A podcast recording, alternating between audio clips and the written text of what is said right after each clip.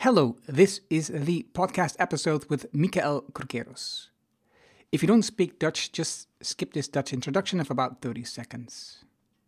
Hallo en welkom bij aflevering 321 van de Enhoning Show. Wij leert van ondernemers en ondernemende mensen die bijzondere resultaten bereiken, welke beslissingen genomen hebben om hier te komen, wat ze doen, de strategie en hoe ze klanten krijgen. Mijn naam is Erno Hanning en ik deel mijn opgedane kennis, ervaringen en expertise met jou.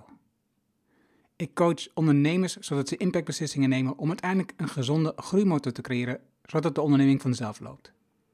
Hiervoor gebruik ik mijn ervaring met meer dan duizend klanten die met exact dezelfde uitdagingen zitten. Vandaag het gesprek met Mikael Krokeres. Mikael is a Finnish citizen raised in Sweden and Germany. He holds a degree from the alternative business school, the Kaospilots, and has worked as a copywriter for various ad agencies and as a reporter for magazines. Together with Roman Tschäppeler, he co authored five international bestsellers, among others, The Decision Book, which has sold over a million copies worldwide. Currently, he works as a reporter for Swiss weekly magazine Das Magazin. Michael shared two interesting learnings from his years at Kaospilot. One was about self evaluation that I started using more and more in my work. He also shared how he worked from advertising at a magazine to editor to staff writer and got his dream job as a journalist. He explained how he always had various projects and jobs and what his three requirements are for success. I loved talking to Mikael and learn from his experience and insights. Now it's your turn. Enjoy the insights of Mikael. Let's get started. Welkom in de Erno Hamming Show. De podcast waarin je leert over de beslissingen om te groeien als ondernemer met je bedrijf. Luister naar de persoonlijke verhalen van succesvolle ondernemers en ondernemende mensen. Dan nu jouw business coach Erno Hamming. Hello and welcome to this podcast episode. Today I am talking to Mikael Krogerus. Am I Krogerus? Is that good? That's perfect. Yeah. Okay, good. and you are a Swedish, German, Swiss person. Something like that, right? Yeah, actually, actually, I'm Finnish. I'm from Finland. Finnish, Finnish. That was it. Finnish. Yes. But uh, so since my mother tongue is Swedish, and since I work in Switzerland, and I used to live in Germany for a long time, I I like the um, description of Finnish, Swedish, Swiss, German. That's good. I, I, used to have. Um, I, I I worked in several jobs and mostly in sales marketing, and we had like partners in Scandinavia, so Denmark Sweden, Norway. And we also worked with companies like Nokia in Finland. So we supplied them. And, and the weirdest thing is, for me, there is a, a big difference, for example, for Finnish people and, and French people, right? So if you mm. have uh, very opposite people in Europe, for me, Finnish people and French people are very opposite. And uh, the way I explain is when we send out a parcel to either uh, what country, uh, right? And so and there was like something with the parcel, not something with the product that was in it, but something with the parcel. The, the French would would make a lot of noise and complain, and we should improve that. So this was a shipping. I I I I don't know what they are doing. So tell me something I can fix, right?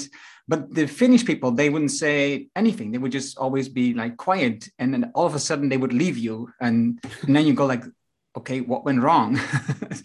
so, um, and also I, when I go to Denmark or Sweden, I've I've been to uh, for my practical year, not my no final thesis. I was in Copenhagen for like four months. So the languages are very similar to Dutch, right? So it's right. for us, it's we can we kind of kind of understand what's going on, but once you move to Finland, it's that's all over. There's I have no idea what the signs are saying or what they are talking about. Yeah, Finnish is very different. Also, the Finnish people are of course different. I think I like the um, what you just said about the French and the Finnish people. I always explain Finnish people the way uh, my mother explained it to me. She said that if her neighbor offers her help and she declines because she doesn't need any help, she still knows that if in 20 years she would knock on his door and say, I need help. He would say, Of course, I come over. So if you say something, you mean it. And if you offer something, this is true for a longer period of time. It's not about saying, oh, yes, I love you, awesome. So I would say actually it's a Finnish culture versus American culture. That's where you have the big divider. Or as in Finland, um, the division goes between um, Finnish and Swedish culture. Where Swedish culture is a lot of talk, and as actually they say that in Finland, um, Fin- Swedes are a lot of talk but very little hockey. So that's that's the difference. Although i must say i am from the swedish speaking part of finland so the finns look down on me because i'm i'm like a swede just talking not doing anything. So culture is an interesting thing right? So yeah. you live now in zurich in switzerland and i i invited you for the podcast because of course the books that you've written so we've just talked on the book podcast, and if you have the video, you're watching the video, can see me bringing the book up. But it's it's, it's kind of weird because um, you can't see the title. It's embossed, so it's it says Machen. It's a it's a German book. And thank you because it was the first book that we got under Sperrfrist. Uh, what's it in English, right? So we weren't allowed to talk about before a certain date. For deadline, yeah. Yeah. Mm-hmm. So, mm-hmm. so so that was the first time that we got a book that early. So that was really kind of like honor. and we also discussed another book of you, Decision Book. And the Decision Book is really up my alley because mm-hmm. I talk a lot about decisions. I, I, I talk with entrepreneurs about decisions. That's what I do. I'm a business coach and talk with them about the decisions that they are making. Not that I'm really change the decisions, but I, I ask questions about them to get them confirmed that they're making the good decisions or maybe should make a different decision. So I like the books, and that's I think it is because what you do in the books is because it's what I understood from Tom van der Lubbe, which does the uh, bookcast with me, is in in the in the newspaper because I don't, of course, get that newspaper. Is you have these columns where you have a short story and then you have these um, images, right? If you look at the video, you can see the images now, and it's always a well-known strategy or tactic or theory. And you just are very good at condensing it to like two pages with a, a really funny, interesting image because the humor in the book is also very good. I think it's, mm. it, I, I, love it a lot. And it's the same for the decision book. There's a lot of uh, practical, 50 practical decisions in a book, but they're all based on existing um, ideas and topics and theories, um, but just in a way that you write it down is that it's easier for people to understand. It's you can quickly read it and you can actually bring it into practice. So um, thank you for that, for writing those. You have been studying chaos pilot, pilot. I'm not sure how you pronounce that. Right. Yeah, I would say it's uh, Kaospiloterne in Danish. Right. Um, so that was a school in Denmark um, it's really hard to describe. It's, I mean, I don't know, those of you who know Denmark, it's a very liberal country. So also the school system is quite liberal. And the Kaospilots is a school that was, I think, founded in 1991 by a brilliant man named Uffe Elbæk. Also a little crazy, but he's brilliant. And basically, it was the, the a school that said the world is in total chaos. So politically, financially, socially, but also personally? And would it be good to educate young people who are somehow able to navigate that chaos? And then the question is, what do you need to navigate in our world? And the school basically said you need these so called soft skills, right? So the skills that you usually don't teach in business schools or in universities, and where we more say, oh, this is just your personality You might be a talkative person or this is a good negotiator or he's very um, uh, outgoing and the school said what if these are not um, character traits but actually tools that you could learn so it was a three-year education where we mostly worked on how do you work with people how do you motivate people how do you motivate yourself how do you learn to judge your own work how do you learn to give feedback how do you um, behave in an intercultural context, like the things we just talked about. How do you deal with a Finn? I mean, people laugh at that, but if you look at your everyday life, this is what it's all about. Because everything else you can learn in books, but you very seldomly train uh, these so-called soft skills. And the school was totally focused on soft skills. And back then, I, I, went to that school from 2000 until 2003. So that was class seven, only the seventh class ever to graduate from that school. And that was back then very, I was 24 or 25 when I started. And back then it felt like, what is this? Is this kindergarten or is this a Waldorf school or something?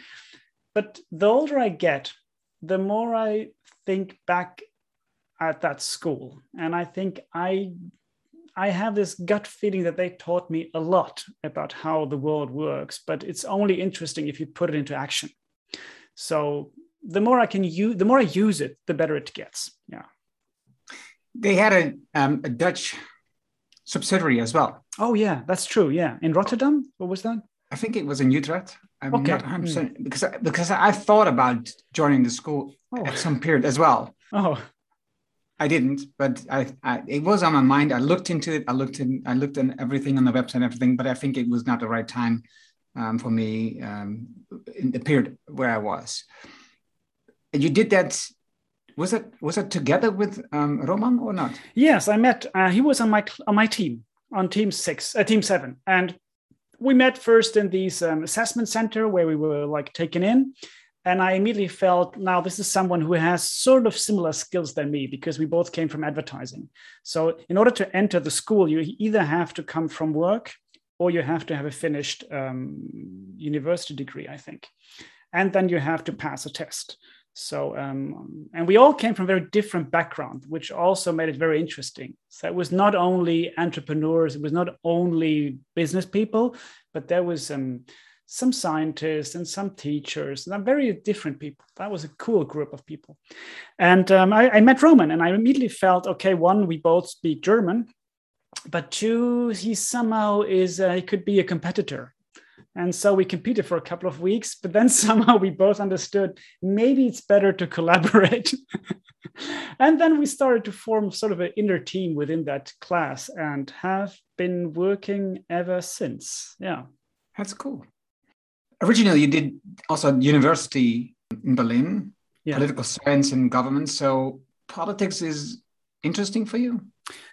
Yeah, I find it interesting. I find it very relevant, but it's not my cup of tea. So I, I, um, I adore people. I look up to people who are very political. I, I really, really um, tap my hat to people who are activists. It's not my thing, but I find it very important but I studied in, in Berlin back then more because, quite frankly, I wanted to go to Berlin.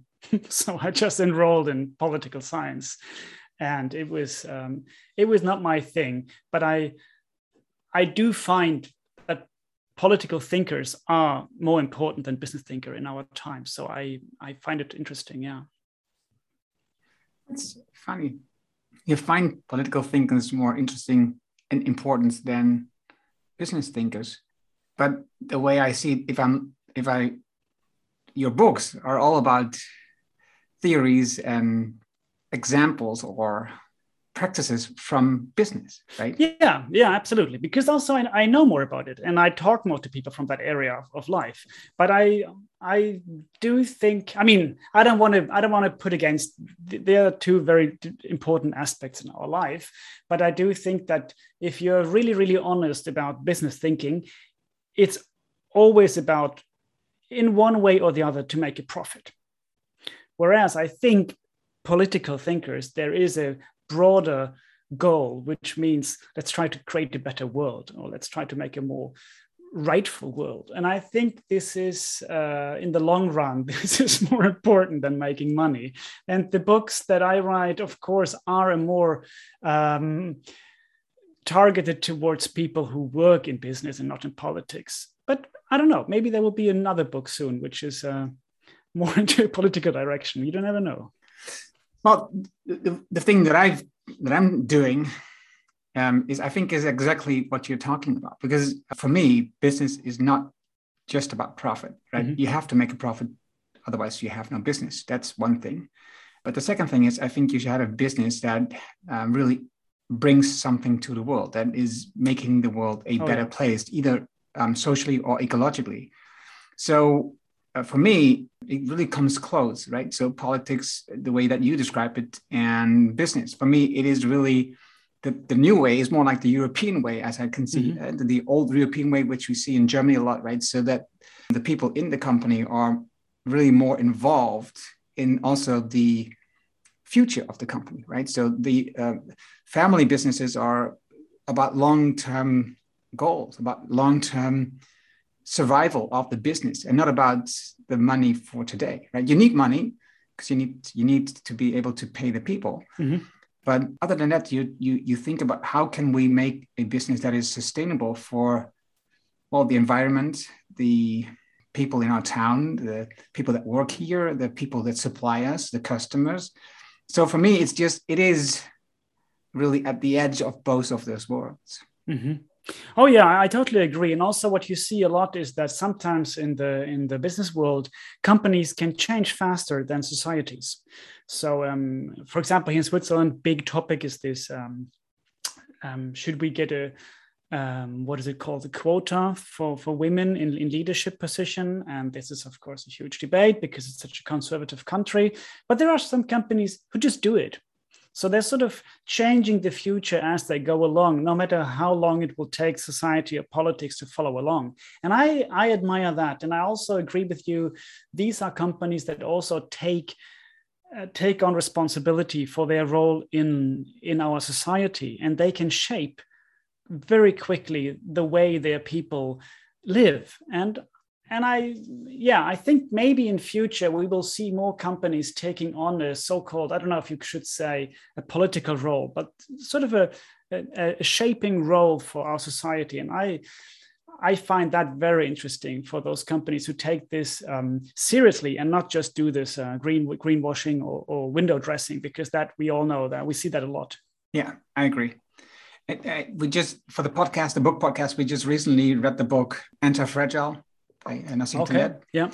And he also talks about Switzerland as a um, very good example of how politics should work because it, it all operates in little um, sections, right? It, it, mm-hmm. it, there's no one person who decides everything, right? Mm-hmm. And because you have all these small parts that decide, maybe it takes longer, but it also takes longer to uh, make the wrong decision, right? So mm-hmm. you, you, are prevented from, um, for example, go to war with another country because you just have a, a, a big ego that, that, wants to go to Afghanistan because they need the oil. So I think Switzerland is, is a, and you are in Switzerland, but Switzerland is a very good example how to become anti-fragile fragile because of how you could set up well, a country, but also how you could set up like a business. If you have a business that doesn't think about becoming the biggest, but becoming um, the best and you could set up like small businesses and to build a big one. So there's some great examples in the world that do that. What is because you already mentioned a lot of things about the Chaos Palette. Um, what is it the most important thing that you looking back now that you learned there? Oh, that's a good question. I I would like to name two. Uh, one is um, the ability to, uh, the ability, I don't know, but the, the attempt, I would say, to try and judge your own work. Uh, we were always asked when we wrote a test or delivered a project to grade our own work. And then it was graded by the um, experts. And then that together gave you a final grade. So, in a way, you had to, the question was also how good are you at estimating how good your work is? So if you always are dependent on feedback from others saying, now this is good enough, Erno, you passed it, then somehow you get also dependent. And you somehow have to learn to understand now I have come this far and I know this is good enough to pass, or I know this is not good enough, or now I'm I'm I'm far beyond what I actually needed. And that was a thing that I found very interesting, especially if you're writing, because as a writer, you're always dependent on your editor saying no and praising you, and the reader praises you. And I sometimes think back at this lecture from the Kaospilot saying, Do you like your own work? Because actually, the question is, can you look into the mirror and say, You are okay? And I think this is such a great goal in life to really try to please not please yourself, but be honest with yourself and say, I did my best, and not X, X, and Y loved it. So, this is a lecture that I always think back at. And I think there is a lot of power into that. And also, I think it's very difficult to do it. So, that was one key learning I think a lot about. Another one would be it's about people. Um, and this is something that every business leader will say, but to me, this really made sense at the Kaospilots. It's always you can't do anything on your own. There's always a team behind you. Even if you are a solar surfer, there is a team behind you. There is someone looking after your board. There's someone giving you food. There's someone helping you when you're injured.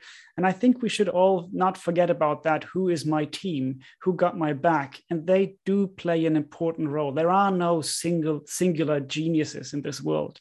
Every genius had a mother. Every genius has had a sister and a friend and an enemy and they all are part of our ecosystem. So I like to think about um, the people aspect in, in, in, in companies and projects, thinking like, what is the team that that that moves this and if i'd like to give a small example i think we I, I, love companies that hire teams instead of individuals i think a lot of the tech companies google do that a lot and i think this is how you should do it. You should try and find a team that you work good with that bring out the best in you and then you should try as a company to hire that team because you know um, if that guy works with these two person they form a great entity. But if you take out one singular piece they all decline a little bit. So i like thinking about teams and, and groups of people and how they perform i got a couple of questions on on this sure. First i i really love the first part that being able to evaluate yourself mm. to determine if this piece of work that you've done is good enough or is good or is it bad. Um, I think, like you said, it is really difficult, but it's really important to do so that you don't need external praise or whatever. So I love it. Uh, the second thing is so, what do you do to, what do you do to thank the people that are helping you, your team? what I do to thank them? Yeah. oh, that's good. Yeah, that's a good question. Yeah, I think one, I sh- we should think more about it. Like, who is on my team? Who is helping me? And then I think we should acknowledge that and bring it up and talk about it and say, I can do this, but I need um, these people behind me and they are part of it. So, just to give you a recent example, um, I'm a writer with a magazine, which I do uh, besides writing these, these books and um, I'm a typical reporter. But in the last three years, I've started writing pieces together with a colleague. And this is sort of a thing that very few writers do because you lose your voice, you lose your, somehow also you lose your singularity because there's someone else in there. So you have to cut down on your narcissism. And I thought this was such a great thing that I started doing that because you acknowledge that, okay, here's someone else helping me. And why not putting his name under the piece as well if he is helping me? So I, um, I, for example, just if we talk about uh, magazine journalism or long form journalism, I think you should always list up the people who help you researching. You should list your editor because these are parts of your team. It's not just one person writing one piece. This is ridiculous. No one does that. So um, yeah, I think acknowledging it is important, but also trying to ask yourself, who is it that is helping me? So being aware of people around you is, I think, the best and the first step to acknowledge them. What a great learning. Thank you. The team, is that is that also the reason why for you it's so comfortable to write a book together with Roman every time? yes, in a way it is. It, in a way it is, and we we started that back at the Kaospilots, just working together. And also, of course, if you, for those of you listeners who work in in, in projects or work in, in in areas that are not so singular, you know that this is the the team aspect is important. Very few projects are being run by one person, but there are jobs that are very singular, focused on one person. So um, working with Roman helped me a lot because I realized he he's able to do many things that I'm not good at. He's good in finance. He's very well organized. He's very structured. He's very punctual. He's anti chaotic. And I'm all the other things. But we do communicate well. So he can appreciate my weirdness and I can appreciate his uh, narrow mindedness. And I think there's a beauty in it to understand here is someone who can help you become better because he knows the things you don't know. So that way we, we formed a team. And also, I mean, I'm mostly writing it, but he's reading my pieces and he's correcting it and editing it. And I realized it's not only about writing it, his editing is equally as important. And the same is with the drawings that you mentioned. He does the first funny sketch, but I always look at it and I, I, I, support it or I change it or I criticize it. So going back to this first advice of mine saying, um, you need to be able to judge your own work. Yes, but you have to be open for feedback. So it doesn't mean that you are just uh, on your own. You need to take in feedback, but you have to be open to your own opinion as well. And we actually practice that. It leads to a lot of conflict, of course, because we we, we fight and and and uh, we don't always agree, but we both agree that the process of doing this together is right. I can imagine. I think it's a no. I can think it's, it's a beautiful way because the discussions uh, you have um, or, or, or fights sharpens the work. It sharpens the mind. It it it makes the work better. It makes the end result better, and it makes it makes you better. Mm. So I like it a lot.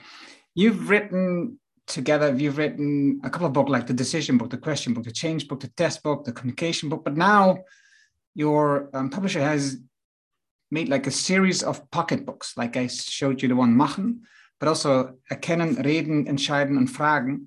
Will they also be available in English in this form?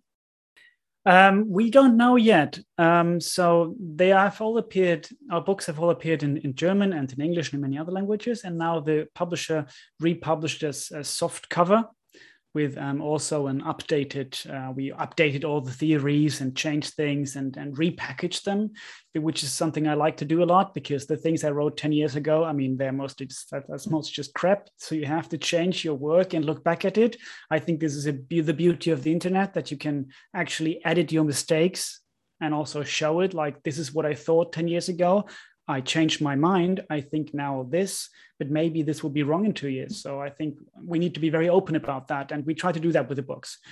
So um, I hope they will come out in English as well next fall. Um, we're in the process of negotiating with different publishers, so I can't speak more about that now, but I'm sure they will come out. Yeah. Cool, cool. That's nice. Because, like I said, we did the bookcast about it, but I think it will be a lot easier if these books are in English for the people to read. Of because course. German is not a very well-read English uh, language in the Netherlands for the friends that are listening here. And but the the the book that I first read, the decision book, that was for me an interesting topic. I I, I read and learn a lot about making decisions, making better decisions, improving your decision process. So, what is one of your favorite um, of the 50 models that you have there for, for making a better decision for in, in your life? Mm. Well, I think one is a very, very classical one that I'm sure many of your readers know about. It's the so called Eisenhower matrix, which basically tries to divide between what is important and what is urgent. And this is something if you if you talk about that most people say i know it. Um, so if you if you use two um, if you use two parameters you get four different situations and not important not urgent. That is what we do the most. So scrolling the internet uh, getting coffee writing emails that's not urgent and not important. Then we have uh, not important but urgent. This is things, um, yeah, that we attend to. And then we have this crucial um, area of very important and very urgent. And this is the area where most decisions are made and where most managers stay in the in the moment and really work hard. And we think this is the most important area, but of course it's not. Um, because this is where you burn out. If you keep doing all the important things when they get urgent, it's just getting too much. So we have to try and focus on the area where we say important but not urgent. So this planning or um, strategic thinking moment. And this is something that we talk a lot about. Many books are written about it. We all know it, but do we do it? I very seldomly do it, but I do see people who think and work like that. And this is very impressive when you see people thinking about things that will become important in one month or in half a year or in two years. And I somehow think that this is something I really need to read my own books and work on because I always get stuck in very important and very urgent. And I know it, but I can't get out of it. And of course, the um, psychological or neurological answer to that is that you get a lot of dopamine if you do important and urgent things. So this is you get the kick and you fix it and you feel good, but it's stress and it's not very effective. So um, um, I can give an example. On on good days, I try to start my day looking at my to-do list. And I don't only write things down I need to do, but I try to put them into this matrix, saying what of these are actually non-urgent and not important and what would happen if I don't do them? So, for example, not answering emails. This is a very simple trick, but I like to do it. Maybe just wait 24 hours. People just solve things themselves. And if they stay there, they will become urgent, but maybe not directly important. And then you can do it. And also, then thinking if there are too many items in my to do list that are important and urgent, then I have to do something. Maybe I should send some of these things to Roman, have him do it, or maybe just say, I need more time. So I think I, me uh, uh, at all, me uh, a lot, but also other people misjudge our capability or, or our possibility to do urgent and important tasks at once. So um, this is a method I really, really like, and I really recommend doing it. But you have to take it seriously, and you really have to work with it. And this is something I like about the models in the book. They are tools. It's not something you read and think, "Ooh, that was interesting." It's something you have to work with, and only if you put it into work, it starts showing its character. And also, only then do you know, does this help me? I don't think everyone will need an Eisenhower matrix. There are people who do this intuitively right or there are people who don't want to do it that's fine. But you have to try it out and see what does what it does to you. Can it help you in your everyday life? So that's that's a model that i really really like. What i i use the isometrics a lot not just for myself but also i talk about with clients. Mm. entrepreneurs tend to work a lot in this urgent um, area urgent yeah. and important. And so it's it's like everyday business is every day again. So but in the book Machen, uh, it talks about the Yesterbox from mm. uh, Tony Hsieh. Yeah. Uh, from from Zappos. Uh, he passed away last year, but I, I, I really like that. I, I don't use it. Mm-hmm. Maybe someday I will. I do focus on most days. Uh, have like two moments for my inbox. That's it. And um, I, I don't open my email in the morning before mm. I, I have done the most important jobs that I need to do. So that helps a lot. But the Yesterbox, I thought was a really great idea. Can you explain that? Yeah, sure. So this is basically what I what I what I um, just mentioned before with the email. Um, Tony Hsieh, he apparently, I don't know if this is an urban legend, but I think he actually used it. Um, he said, um, read the email from yesterday. So no emails coming in today should be read all emails from yesterday should be read. So you always have 24 hours in between for emails and uh, questions and problems to solve themselves. Because he said, miraculously, most people solve their own problems if, if you don't address it. Um, so he said, just give it 24 hours and also um, do it in the morning then or do it at night but only do it in an in a limited area of time. So in a, in a way like you do only one hour only two hours instead as we all do spreading spreading out it over the day because it will just kill too much time. So this Yesterbox or Yestermail uh, I think is a very, very clever topic, but it asks for a lot of discipline because, of course, emails are not only stressful, they are also a source of dopamine. We like it. We like getting a new message and reading it. And the minute we read it, we just are overwhelmed with, oh, I have to do this. I don't want to. But there's a new email. Let's check that one. So, I mean, we are crazy. One thing about the what you just said in the morning, I mean, this is a very, very powerful habit doing the hardest thing in the morning and not the easiest. How how do you manage to do that? Well, I think the most important thing that I do is also my to-do list. Of course, I have uh, three bullets on my to-do list for a day.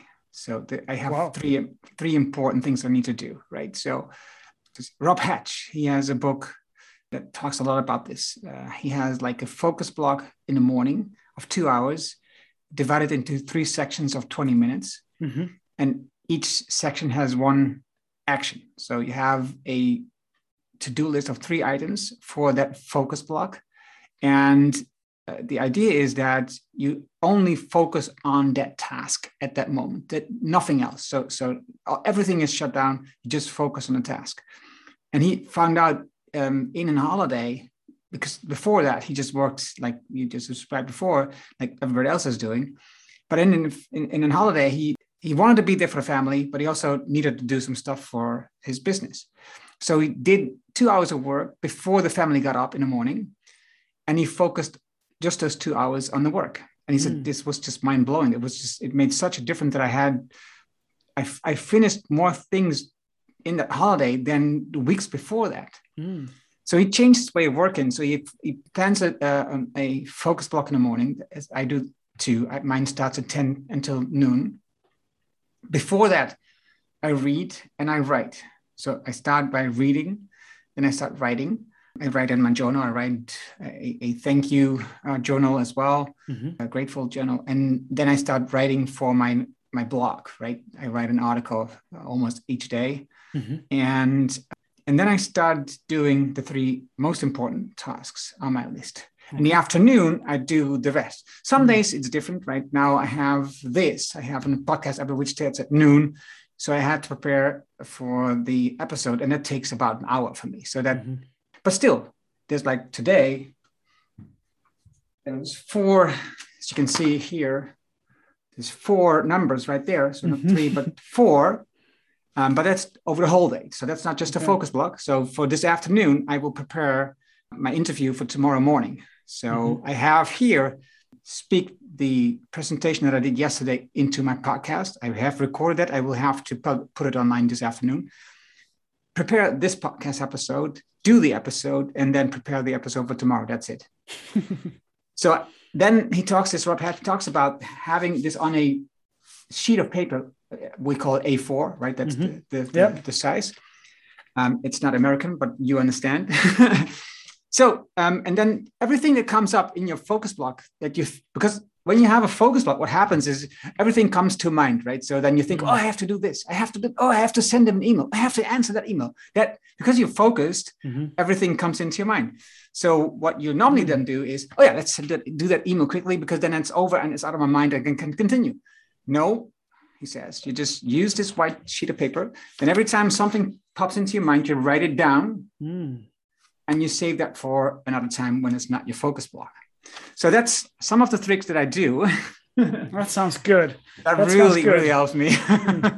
I think I'll need that. and I talk about this because I, I teach uh, also, I, I, I, help entrepreneurs trying to use this, right? So having a priority list. So mm. having one priority for the day and for me, I, I have a list of three. So when the three items are done, I'm happy. So okay. whenever whatever is burning on the background, that's okay. But when the three items are done, I'm really happy. So that's mm-hmm. that makes my day. I, I can't say it was always like this. I was always this, um, but I'm 53. Probably age has a lot to do with it. That you mm-hmm. become more aware of time. I think. Mm-hmm. Mm-hmm. So also my kids are older, so there's less going on. You don't have to take care of younger kids and stuff like that. Right. So, so, so a lot of things happens probably in the phases during life.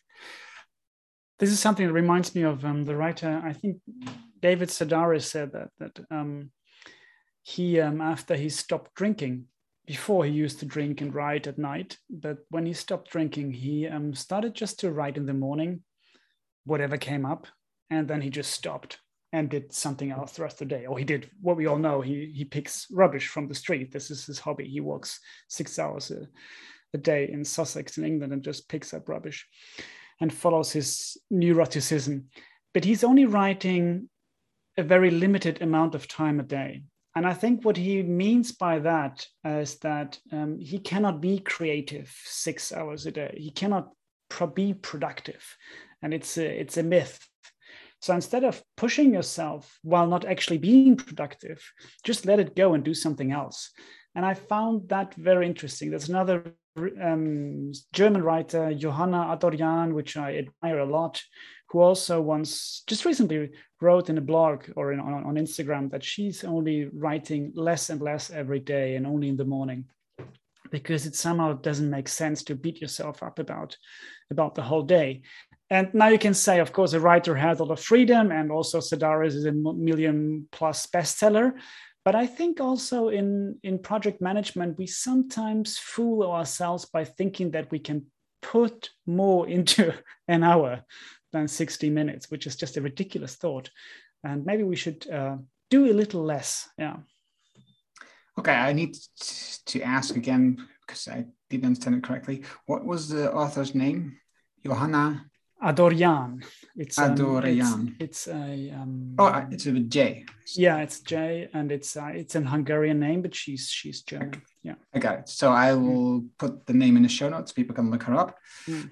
I, I, I think it is proven that this is that this is correct, right? Mm-hmm. So focus, you, you have a limited amount of focus. It depletes after a time, and what we try to do is just extend it. We have the really gift of thinking there's a lot more time in a day than we really mm-hmm. than there really is.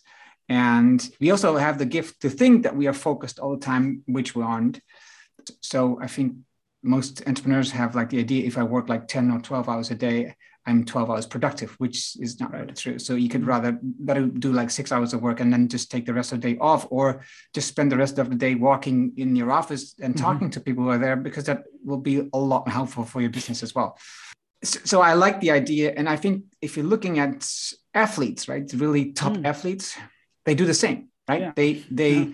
have like ten to twenty percent of the time they focus on the um, explosion, and the eighty percent is just is is not rest, but it's relaxed work. And also they sleep a lot. This yes. is something that, that struck me. If I talk to top athletes um, that I profile, for the magazine, I always hear that they sleep a lot. They sleep like nine, ten hours a night and they take a nap. Of course, they also have a support network, which again brings us back to the idea of a team. But I think the just um, a colleague of mine always said, if you're in business, you should try to live or look at your life as if you were a top performance athlete. So you need a lot of rest, you need good food, you need good training, you need good environment to work because otherwise you won't be able to perform. Whereas many people in business or in project management pretend like they they can do everything. Like you, this is uh, the idea of having more resources than are actually available. So if we talk a lot, um, there's a lot of talk about mental health and burnout at the moment, of course. And I think it's interesting because what we're actually talking about is not the clinical burnout moment. This happens also, as we both know, but um, there's another form of early burnout where people just push themselves too far without understanding that they need some they need to cut themselves some slack just like let go you don't you can't do more than that and i think it's important to raise the question how do we learn to do that because um, capitalism doesn't teach you that and also society doesn't no i'm training now for a marathon so that mm. means that you are running a lot so it is um, it's not always running at your peak, but you run a lot. So you you exercise a lot in comparison to my normal mm-hmm. uh, weeks. I'm a referee for soccer, so I, I I'm training like two or uh, two to three times a week. That was my normal way, and then have one game each week. So that was pretty normal for me. But now I run more, mm-hmm. so I, I'm I'm tired. I sleep a lot better. I sleep more. I sleep a lot better. So the difference, of course, if you are mentally straining yourself, really um, putting yourself uh, always at 80%, you don't notice that you get tired. Mm-hmm. So physically, it's easier because then you know I'm I, I'm. I need to go to bed. I, I need to sleep. But if you mentally drain yourself, it's very difficult to recognize that you are tired and you need sleep because it's it's not physical. You don't feel it. It's just in your brain that it's just getting mushier and mushier and you have no idea that you just produce less and less right so for me that's that's an interesting find trying to prepare for this marathon what was the most difficult book to write of the series that you've done so far? Wow every book is difficult. I think always the next the next book is the most difficult one. Um, and that's just because writing is so super difficult. It's just hard work and it's not fun. I cannot recommend anyone to do it. Um, topic wise i think that the test book was very um, challenging the test book. So that was a book that we did on um, psychometric testing. We wanted to look at all the different kinds of tests that are out there from the MBTI, the IQ test, the emotional um, uh, intelligence test, and but also tests like um, how does you test your creativity or or your ability to, to, are you risk averse and all that so that was very interesting and to us that was challenging because it was a completely new area of work. So it was almost like doing a study and like uh, going back to university. But that was very refreshing.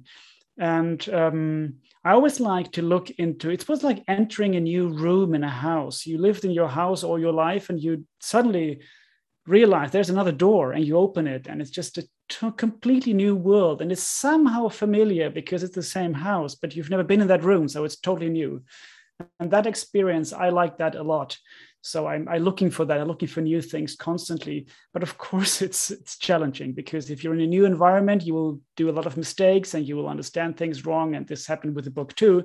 So i think it has been criticized a lot. But then again i think maybe that was good because it's good to somehow step out of your your uh, usual area so i would say the most difficult book was the test book yeah right interesting i think i think that's the same I say when I when we read books for the book podcast, right? You always read.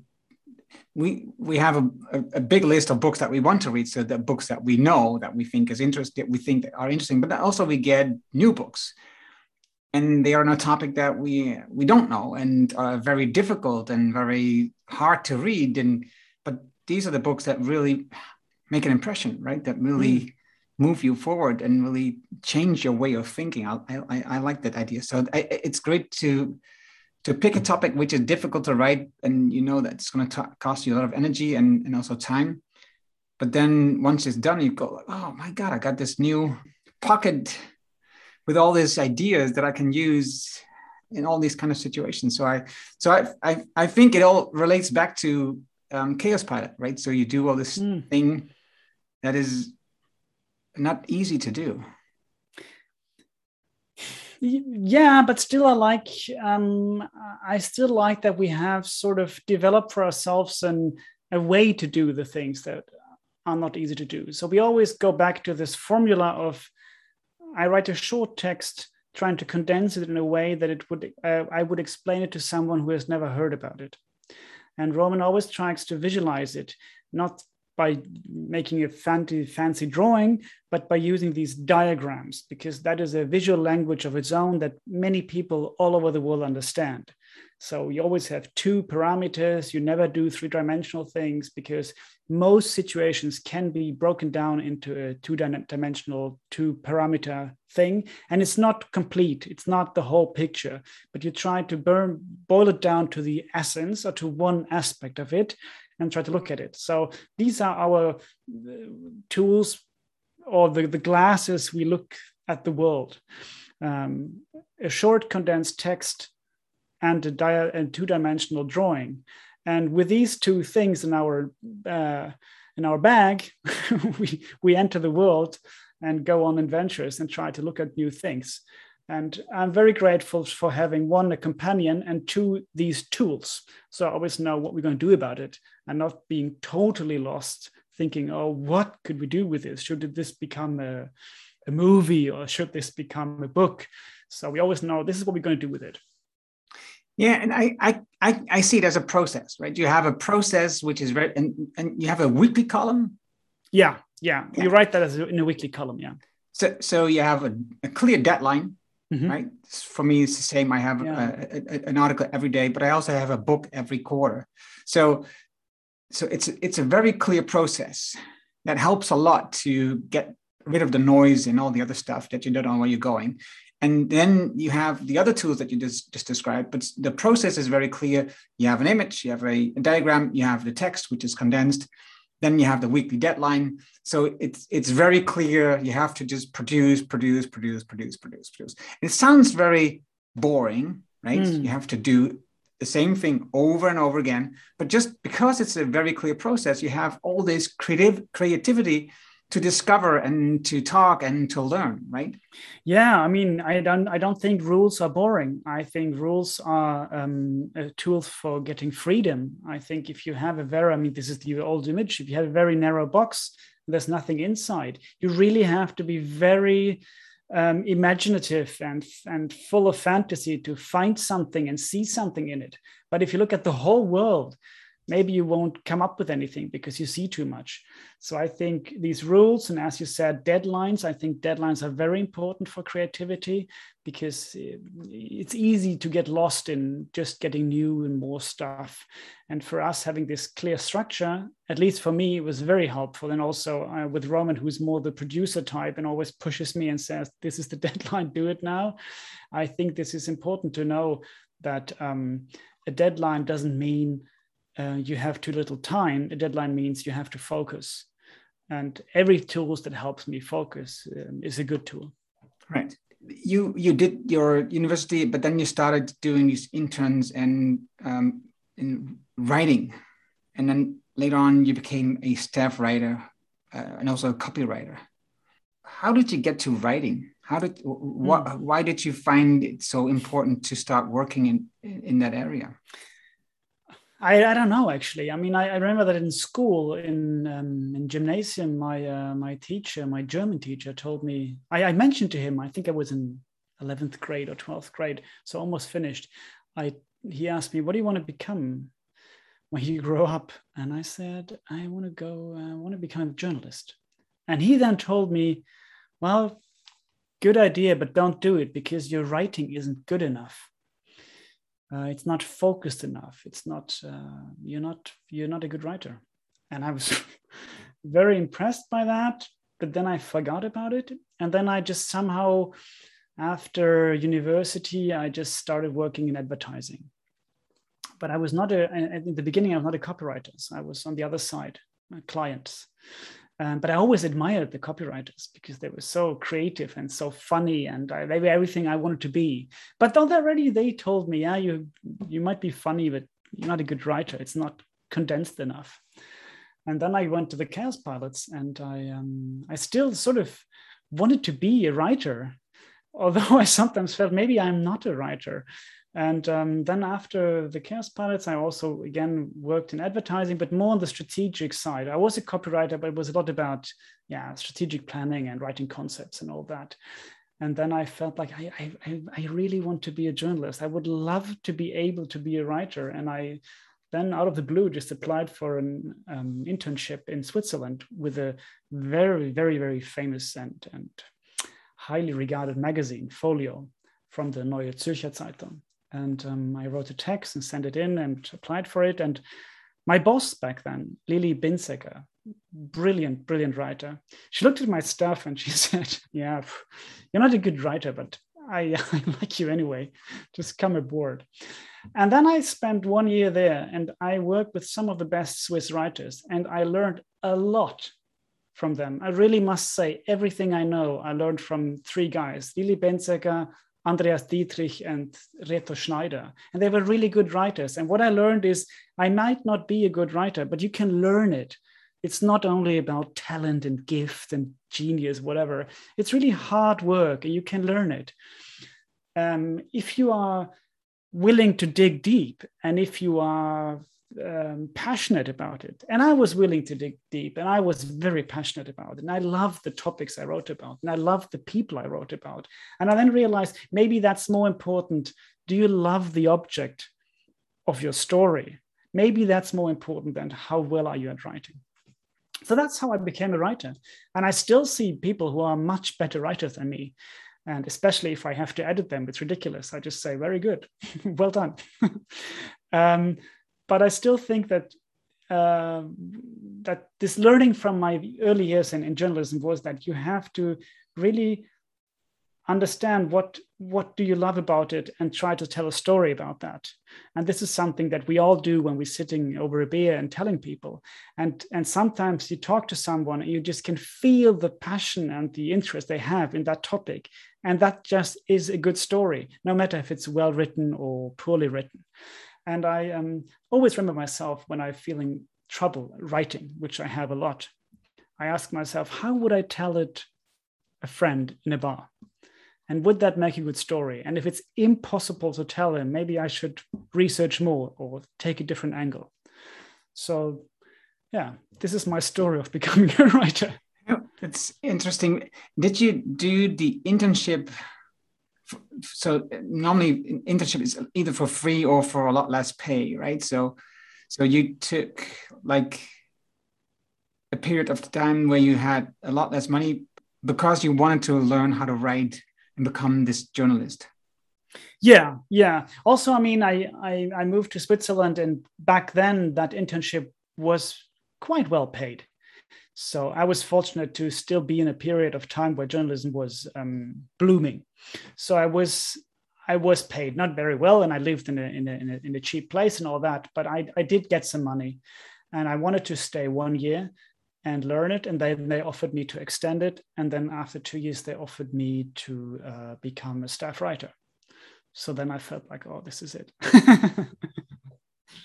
well, this is it, you said, but also you started your own business, right? You started number one, mm-hmm. a sport magazine. You just mentioned before that you wrote about you wrote about these um, athletes. Was it just about a writing? Was it also to have your own magazine? Was it was the business important to you too then? No, I mean what I always done, and this is also something that goes back to the Kaospilots. I I have never been single focused. I always have different things that I like to do. So I like to write magazine pieces, but I also did these um, books with Roman on the side. And I also sometimes had a stint again back in advertising because I found it very interesting to work in advertising because you're closer to companies, you're closer to reality. Uh, you, you can talk to people you would never get an interview from. So I always found that very interesting. And then a couple of years ago, I just, because I'm a big sports fan, and there are no good sports magazines in, in Switzerland.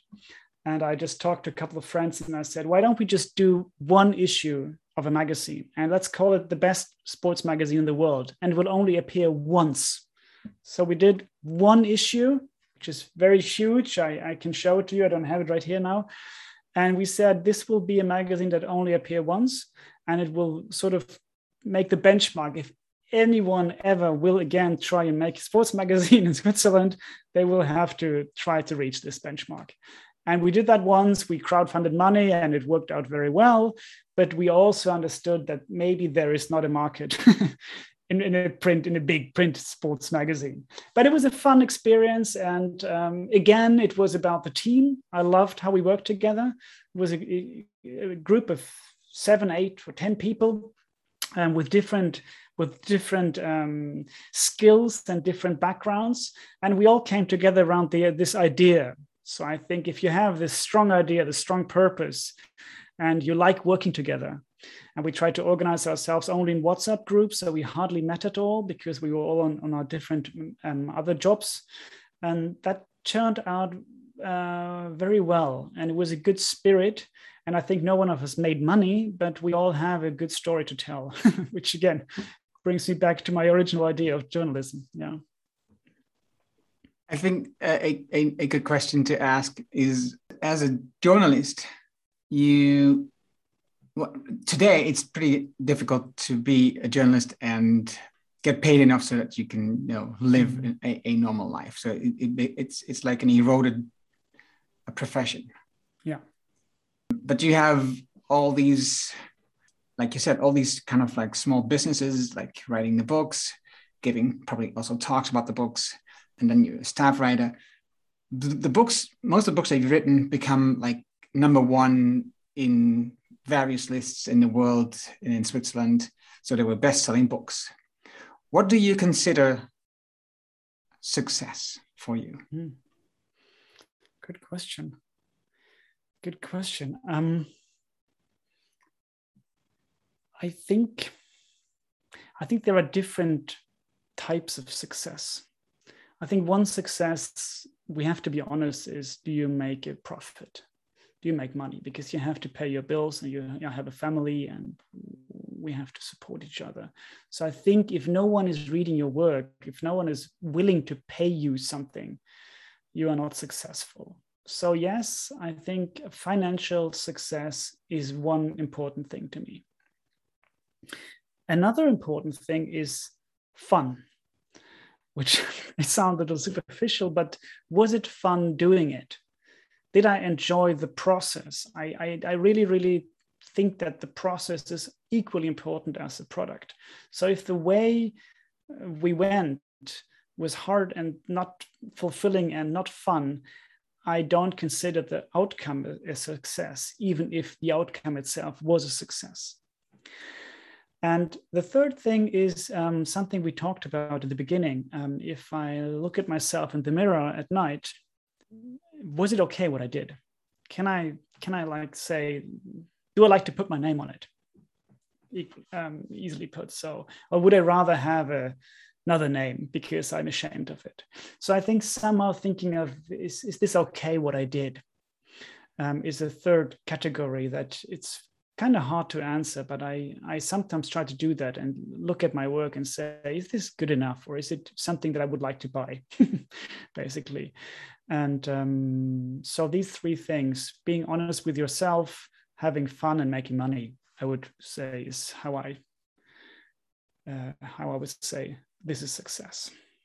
That's a great definition. I like it a lot.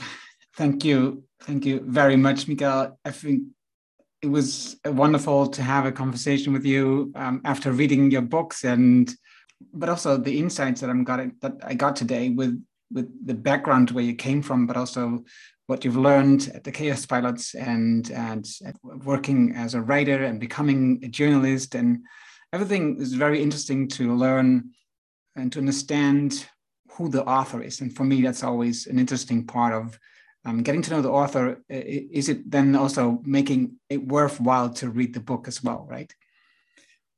So, um, thank you for this conversation. Thanks for having me, and it was uh, it was fun talking to you. And hopefully, we'll talk to us to you in the future, or either do a book of you again in the book podcast as well. Thank you. Would love to. Thank you. Thanks. Dat was het mooie gesprek met Mikael. Je vindt de namen en links die we noemden in het artikel dat bij deze uitzending hoort. Ga daarvoor naar ernohanning.nl slash show 321. Wil je vanzelf automatisch de volgende aflevering van deze podcast op jouw telefoon? Dat kan heel eenvoudig. Heb je een iPhone, dan zit daar standaard de Apple Podcast app op. Open deze app, zoek de Ernohanning Shop en klik op abonneer. Heb je een Android-telefoon, dan installeer je bijvoorbeeld eerst de Player FM app. Open die app, zoek de Anonymous op en klik op abonneer. Dankjewel alvast. Heb je vragen, reacties of een opmerking over deze aflevering met Michael of over de podcast in het algemeen? Stuur dan een e-mail naar podcast.ernohanning.nl. Ik hoor super graag van jou. Wil je weten hoe de omzet verdrievoudigde nadat iedereen een minimumloon had gekregen van 70.000? Wil je leren hoe je ruimte maakt om te floreren en het stimuleren van ongelijkheid goed is voor jullie? Vraag dan het boek Impactbeslissingen voor welvaart en welzijn aan op ernhorning.nl. Dit is mijn nieuwste boek en daarom kun je het nu helemaal gratis downloaden. Je hebt zelfs geen e-mailadres nodig. Er is ook een Kindle en EPUB versie. Wil je de papieren versie van dit boek? Dat kan ook. Je betaalt dan alleen de verzendkosten. Omdat het mijn nieuwste boek is, krijg je het nu gratis. Vraag het daarom nu aan op ernhorning.nl. En ik weet, je hebt een volle agenda, je leest het in één avond tijd. Dankjewel voor het luisteren en graag tot de volgende. Dankjewel voor het luisteren naar de Erno Hanning Show op ernohanning.nl.